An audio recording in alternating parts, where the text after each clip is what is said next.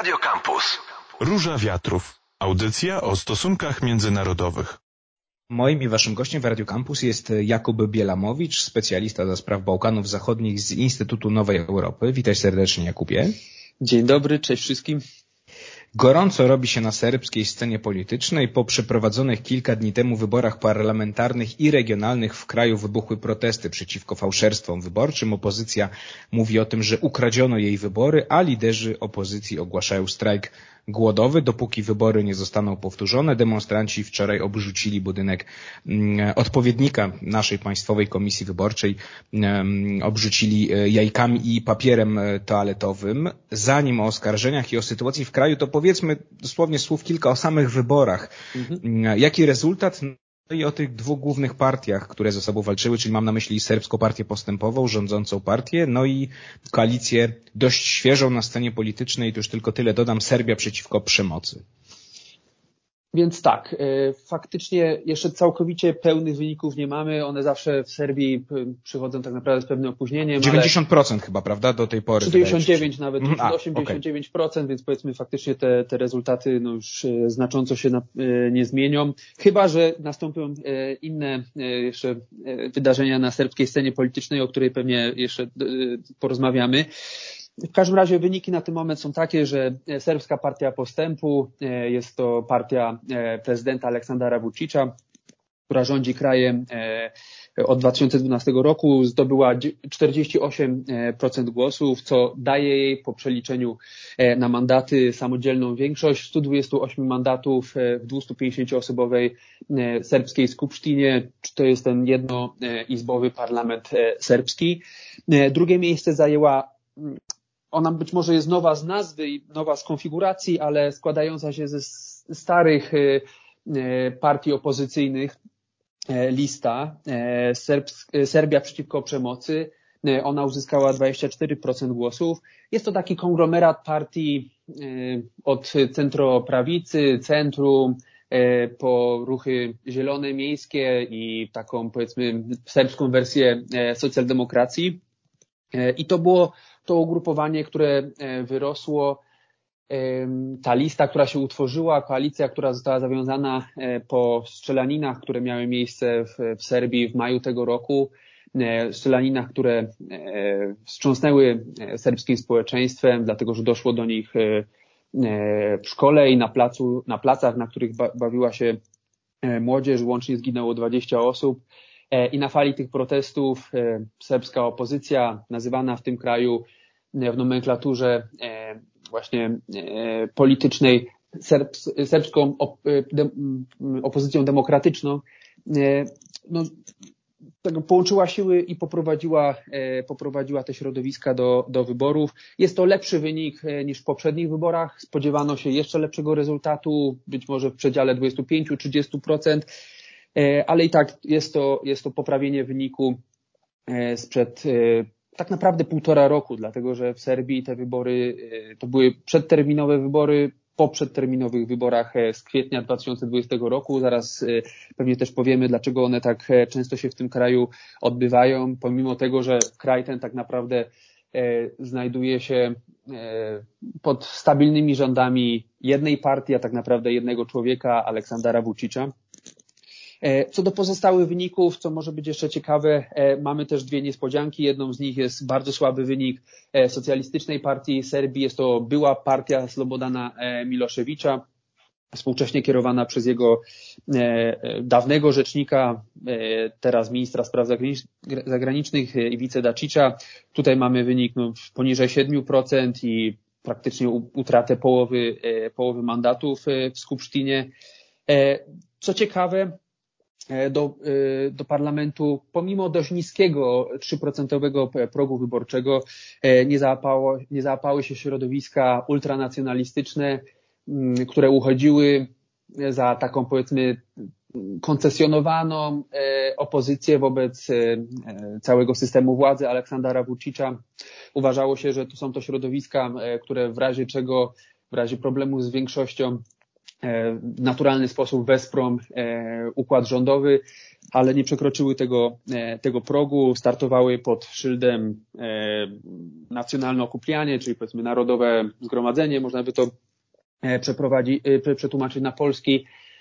Stało się tak zapewne w związku z takim skrętem w prawo Serbskiej Partii Postępu, partii rządzącej krajem, która zagospodarowała, wcześniej ten, ten ruch powstał pod koniec lat 2000, przez tak naprawdę większość lat 2010 rządził krajem i zaczynał jako taki powiedzmy ruch centrowy, umiarkowany, ale potem z biegiem lat ta polityka partii rządzącej coraz bardziej przesuwała się w prawą stronę w naturalny sposób, wypychając te środowiska ultranacjonalistyczne, E, tutaj prezydent Serbii nawet e, e, przed jeszcze wcześniejszymi wyborami w 2020 roku obniżył próg wyborczy do 3%. No i nawet to nie pomogło, dlatego że właśnie te partie spadły poniżej progu. Kuba, a na ile, przerwę Ci, przepraszam, na ile te wybory, bo tak na przykład pisze France 24, nie tylko zresztą, no one były takim referendum poparcia dla Aleksandra Vucicza, czyli dla prezydenta Serbii, no, którego oskarża się o autorytaryzm coraz większy i takie rządzenie trochę jak księstwem udzielnym Serbią. Czy możemy je tak traktować faktycznie jako pewien, pewien, pewien taki, no takie referendum, tak, dla, dla mhm. jego władzy? Powiedziałbym bardziej, że to był taki pewien test y, sprawności całego aparatu y, władzy, aparatu państwowego dlatego że tak naprawdę w sytuacji, w której e, większość e, mediów, e, większość, znaczy tak naprawdę wszystkie media ogólnokrajowe, cały aparat państwowy jest pod kontrolą partii, ciężko mówić o uczciwej, konkurencyjnej kampanii w takim, w takim klimacie. I w sytuacji, w której te wybory odbywają się, przypomnę, Poprzednie były e, ledwie półtora roku temu, w kwietniu 2022 e, roku, wcześniejsze w 2020 roku, e, więc no one naprawdę się odbywają co, co chwilę. Kraj znajduje się w permanentnej kampanii. W takich warunkach akurat Aleksander Vucic, prezydent kraju, chętnie rządzi, to mu pomaga wiele spraw albo załatwić, albo odwlekać, albo w, zaraz też przejdę jeszcze do szczegółów, o co w tym tak naprawdę chodzi. E, I faktycznie one się odbywają na zasadzie, jeżeli tak patrzymy też na, na wyniki, no to tak naprawdę jest to teatr jednego, jednego aktora, prezydenta e, Aleksandra Vucicza, jego, jego partii i jest to kwestia mobilizacji właśnie tych środowisk, które popierają go, które czerpią, przede wszystkim, które są klientami tego, e, tego systemu władzy, no i tych, którzy się temu, temu sprzeciwiają. No reszta tak naprawdę wyników poza tymi dwoma, dwiema pierwszymi Serbską Partią Postępu i e, tą opozycyjną listą Serbia przeciwko przemocy, no to to jest taka tak naprawdę drobnica po parę, po parę procent, więc e, faktycznie w pewien sposób myślę, że można się zgodzić z tym e, swoim pytaniem, swoją tezą, że jest to pewien rodzaju plebiscyt. Liderzy opozycyjnej koalicji Serbia przeciwko przemocy, która zajęła drugie miejsce, ogłosili strajk głodowy, dopóki wybory nie zostaną rozpisane na nowo. No to właśnie, Jakubie, o co część Serbów i, i opozycja oskarża władzę i obóz serbskiej partii mm, postępu? I od razu do, dodam tylko jedno pytanie, czy te zarzuty dotyczą wyborów regionalnych, bo tutaj mówi się o Belgradzie, czy też tych ogólnokrajowych, czyli generalnie o, o, o całej serii pewnych nieprawidłowości? Więc może zacznę od y, tak, ogółu, to znaczy mhm. nieprawidłowości wyborcze y, w Serbii, ale także w innych krajach Bałkanów Zachodnich, to, to nie jest nic nadzwyczajnego. To jest niestety pewien stały y, element tych, tych wyborów. One w wielu krajach są po prostu w pewien sposób, jeżeli nie fałszowane, to manipulowane, i ten wynik no, często jest taki trochę, e, nie, nie zawsze oddaje e, tą realną wolę, wolę wyborców. Dzieje się tak z kilku powodów. W Serbii tak naprawdę one wszystkie się pojawiły. Do do głosowania e, wykorzystywany jest e, tak zwany, myślę, że to bardziej w, e, w odniesieniu do Rosji się na, tak mówi, ale myślę, że o Serbii też tak można powiedzieć, wykorzystywany jest cały ten resurs administracyjny, to znaczy udział państwa właśnie w, w sektorze zatrudnienia jest, jest bardzo wysoki, zwłaszcza w mniejszych ośrodkach, w mniejszych miejscowościach państwo jest często jedynym albo głównym pracodawcą. Czyli urzędnicy z rodzinami idą głosować na tak, jest takie, nawet, jest takie nawet trochę nieformalne określenie na, na Bałkanach, że jedno miejsce pracy to pięć głosów.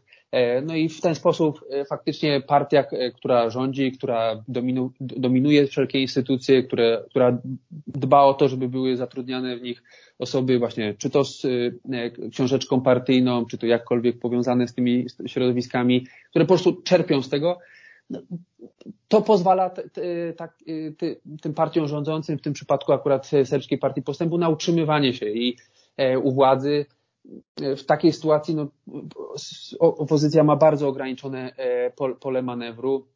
E, tu w Serbii nawet dochodzi do takich sytuacji, kiedy wyborcy są e, przymuszani do tego, żeby sfotografować kartę wyborczą ze swoim dowodem osobistym, jako potwierdzenie tego, że zagłosowali właśnie na partię rządzącą, potem muszą się zgłosić z tym zdjęciem do, do lokalnej siedziby partii, czy do swojego pracodawcy, gdzie jest umocowany E, powiedzmy właściwy, umieszczony właściwy e, namiestnik partyjny, który to, to sprawdza. Więc ludzie po prostu nawet niekoniecznie z przekonania e, głosują na partię rządzącą, ale po prostu, no, czy to z konieczności, czy z obawy o po prostu o swój, o swój byt. I to miało miejsce w niedzielę w, w Serbii, to ma miejsce w różnym stopniu w innych państwach bałkańskich.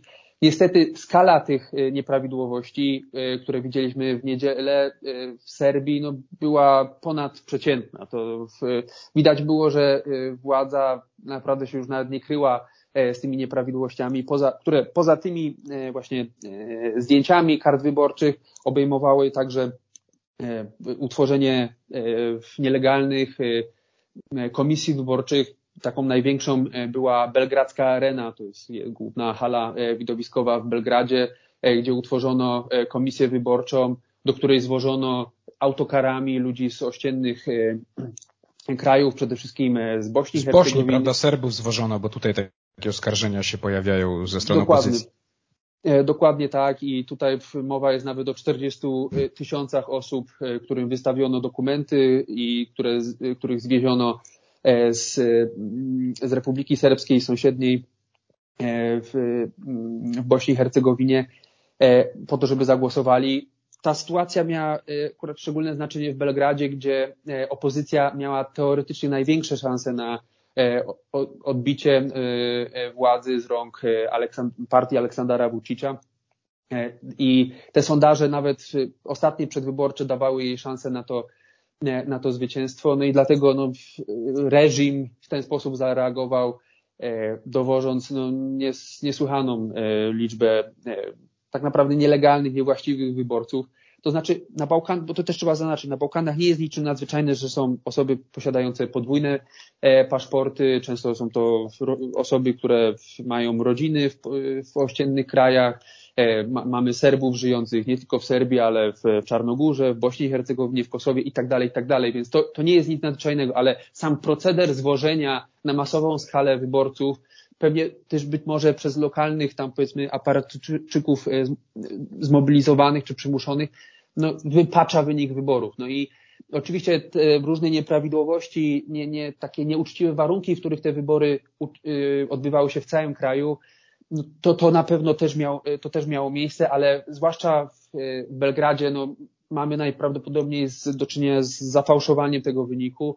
Tak, tak stwierdziła e, organizacja, e, takie NGO monitorujące e, wynik, wybory w Serbii, CRTA, tutaj mamy jasne stwierdzenie z tego raportu powyborczego. No, A co na to Zachód, Kubo? Zapytam Cię, no bo tak jak przypomnę, Serbia kandyduje do Unii Europejskiej. Mm, e, mm, no właśnie, OBWE obserwowało te wybory. Y, mamy też, no trochę zdradzę, już krytykę ze strony części państw europejskich. No właśnie, jak tutaj, jak tutaj głos Zachodu szeroko rozumianego?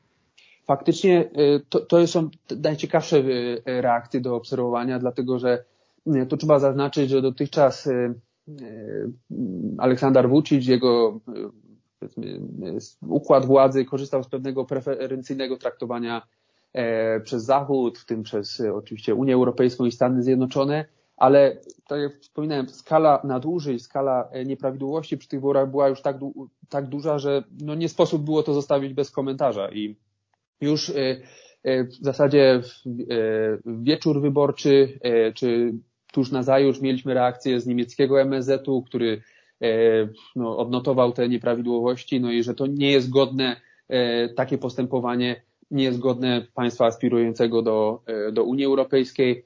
Mamy także wstępny raport OBWE i kilku innych organizacji międzynarodowych, jak Rada Europy. No, jak na wstępny raport jest to naprawdę dość alarmujące, co tam zostało e, napisane. Wszystkie te praktyki zostały opisane jak dosypywanie głosów, e, grupowe e, głosowanie, no, przymuszanie wyborców do głosowania albo takie wywoływanie wśród nich strachu, łamanie taj, tajemnicy wyborczej. No, mamy naprawdę dość silną reakcję i to już zaraz po wyborach.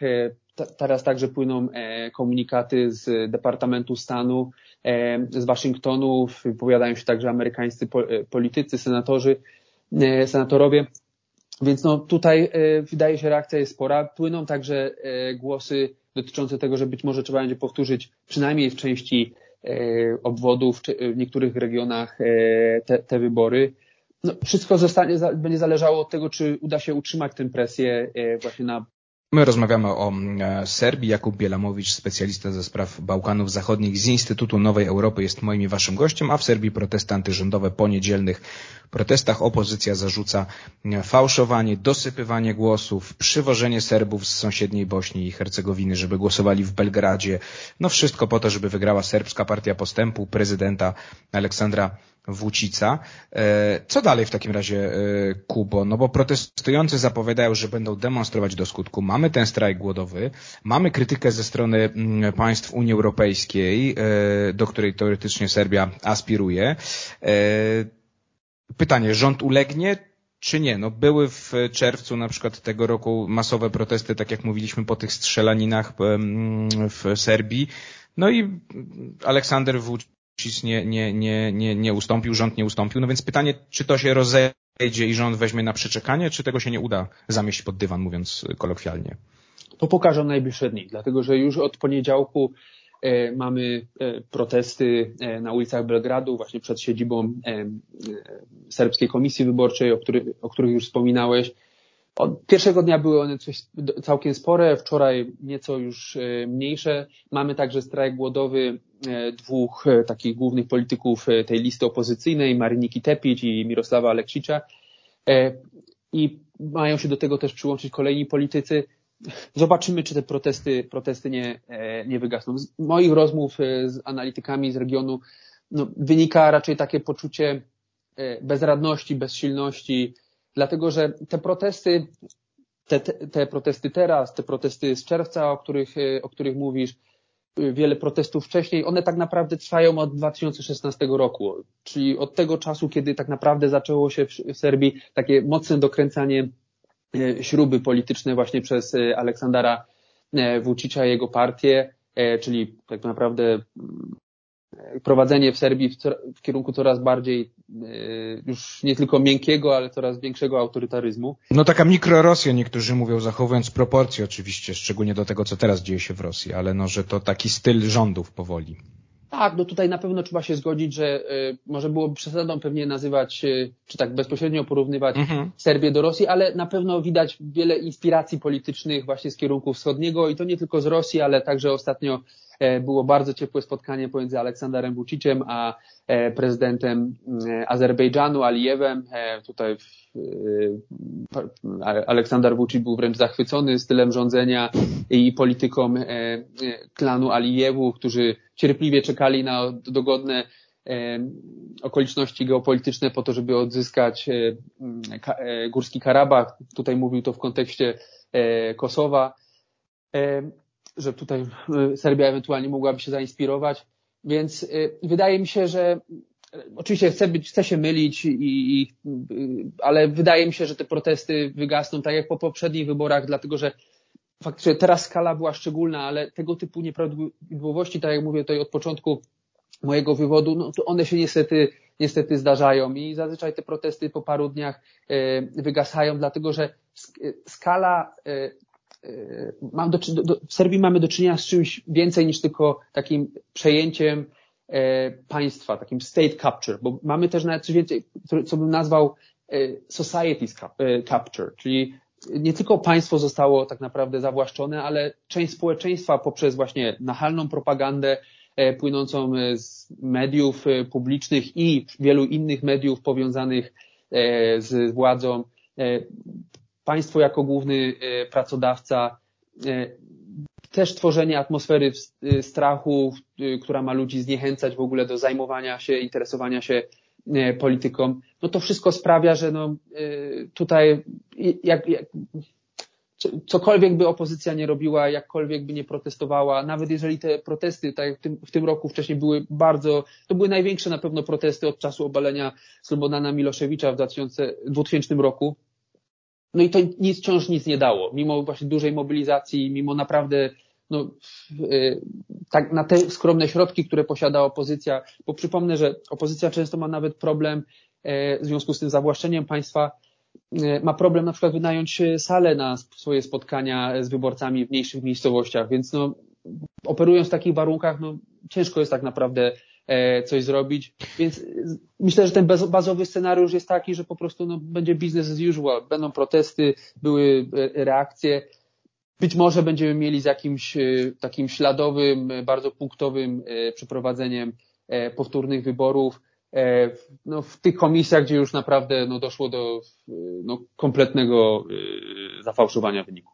Miałem Cię Kubo pytać, o, to, co nam to wszystko mówi o sytuacji w Serbii, no ale świetnie ustreściłeś. To wrócę do tego pytania, które też gdzieś tam wraca często. Co z tą kandydaturą Serbii do tej Unii Europejskiej? Czy to jest tak jak z tą Turcją będzie, czyli po prostu taka pieśń przyszłości, która się nigdy nie zrealizuje? No bo biorąc pod uwagę to wszystko, co powiedziałeś, no to Serbia pod rządami Aleksandra Vucica no nie spełnia żadnych wymogów, a szczególnie jeśli chodzi o, o, o mm, demokrację czy, czy, czy wolności społeczne, no nie spełnia y, kryterium. Mm, czy to będzie tak, że ona będzie trzymana w tej poczekalni, żeby te wpływy rosyjskie trochę kontrolować, no bo jak rozumiem, to jest ta strategia Unii Europejskiej. Mm, no właśnie, czy to będzie taka Turcja bis trochę, jeśli chodzi o, o, o stosunki z Unią Europejską, czy te rozmowy o akcesji? Absolutnie to już tak naprawdę od myślę, pięciu, może nawet więcej lat ten proces y, integracji europejskiej e, Serbii stoi w miejscu. Jest to świadoma e, strategia e, obozu władzy Aleksandra Vucicia, dlatego że w sytuacji, w której zarówno prezydent, jak i, jak i parlament i inne instytucje państwa zostały, no, znajdują się pod kontrolą partii rządzącej, no nic formalnie nie stoi na przeszkodzie, aby reformować to państwo. Jest stabilna większość, jest prezydent, kraj, gdyby była wola polityczna, tylko może przeprowadzać te reformy i zbliżać się mhm. ku Europie. Ale e, tutaj e, w pewnym momencie, bo to jest też ciekawe, że Aleksander Vucic doszedł do władzy właśnie na hasłach, e, on, on jak się popatrzy na stare artykuły na przykład z niemieckiej prasy czy zachodniej prasy, on jest przedstawiany, on był przedstawiany wtedy te 10-11 lat temu jako taka proeuropejska nadzieja. No to jak Erdoğan, to, to kolejne podobieństwo. Tak, i oni po prostu z czasem zdają sobie sprawę, jak trudne jest rządzenie w warunkach e, demokratycznych, albo być może nawet nigdy takich e, e, zamiarów nie mieli, tylko po prostu no, taki, były, taki był klimat tamtych, tamtych czasów, taką stworzyli sobie agendę polityczną, która pozwoliła im, im wygrać, ale potem tak naprawdę z biegiem lat przesuwają się w kierunku coraz większego autorytaryzmu. W tym momencie Serbia pozostaje kandydatem, czy państwem negocjującym to członkostwo, tylko po to tak naprawdę, żeby korzystać z tego statusu, oficjalnego statusu kandydata. A to daje jej możliwość e, e, czerpania z funduszy przedakcesyjnych. Jak się pojedzie do Serbii, to to autostrady, którymi tam jeździmy, pociągi, którymi tam jeździmy, one są właśnie finansowane ze źródeł unijnych i to są to naprawdę wielomiliardowe projekty. Dzięki tej powiedziałem, udawanej e, eurointegracji także Aleksandrowi Vuciciowi udało się przyciągnąć całkiem sporo inwestycji zagranicznych do Serbii, które z kolei dały e, społeczeństwu pewien, jak na standardy regionalne oczywiście, dobrobyt, a jemu możliwość pozostawania u władzy e, i to zresztą jest nawet jego hasło w tych wyborach. Serbia nie może się zatrzymać. I nie może się zatrzymać właśnie na drodze tego rozwoju gospodarczego, które który miał miejsce. Tego nie można, nie można, e, temu nie można zaprzeczyć, dlatego że Serbia w latach 90. znajdowała się pod sankcjami i prowadziła kilka przegranych wojen. Potem w 2000 latach Mieliśmy trudną w naszym języku politycznym, można powiedzieć, dziką prywatyzację, która kosztowała wiele osób no, utratę pracy i, i środków do życia, więc te, od, tych początku, od początku lat 2010 mieliśmy do czynienia z poprawą.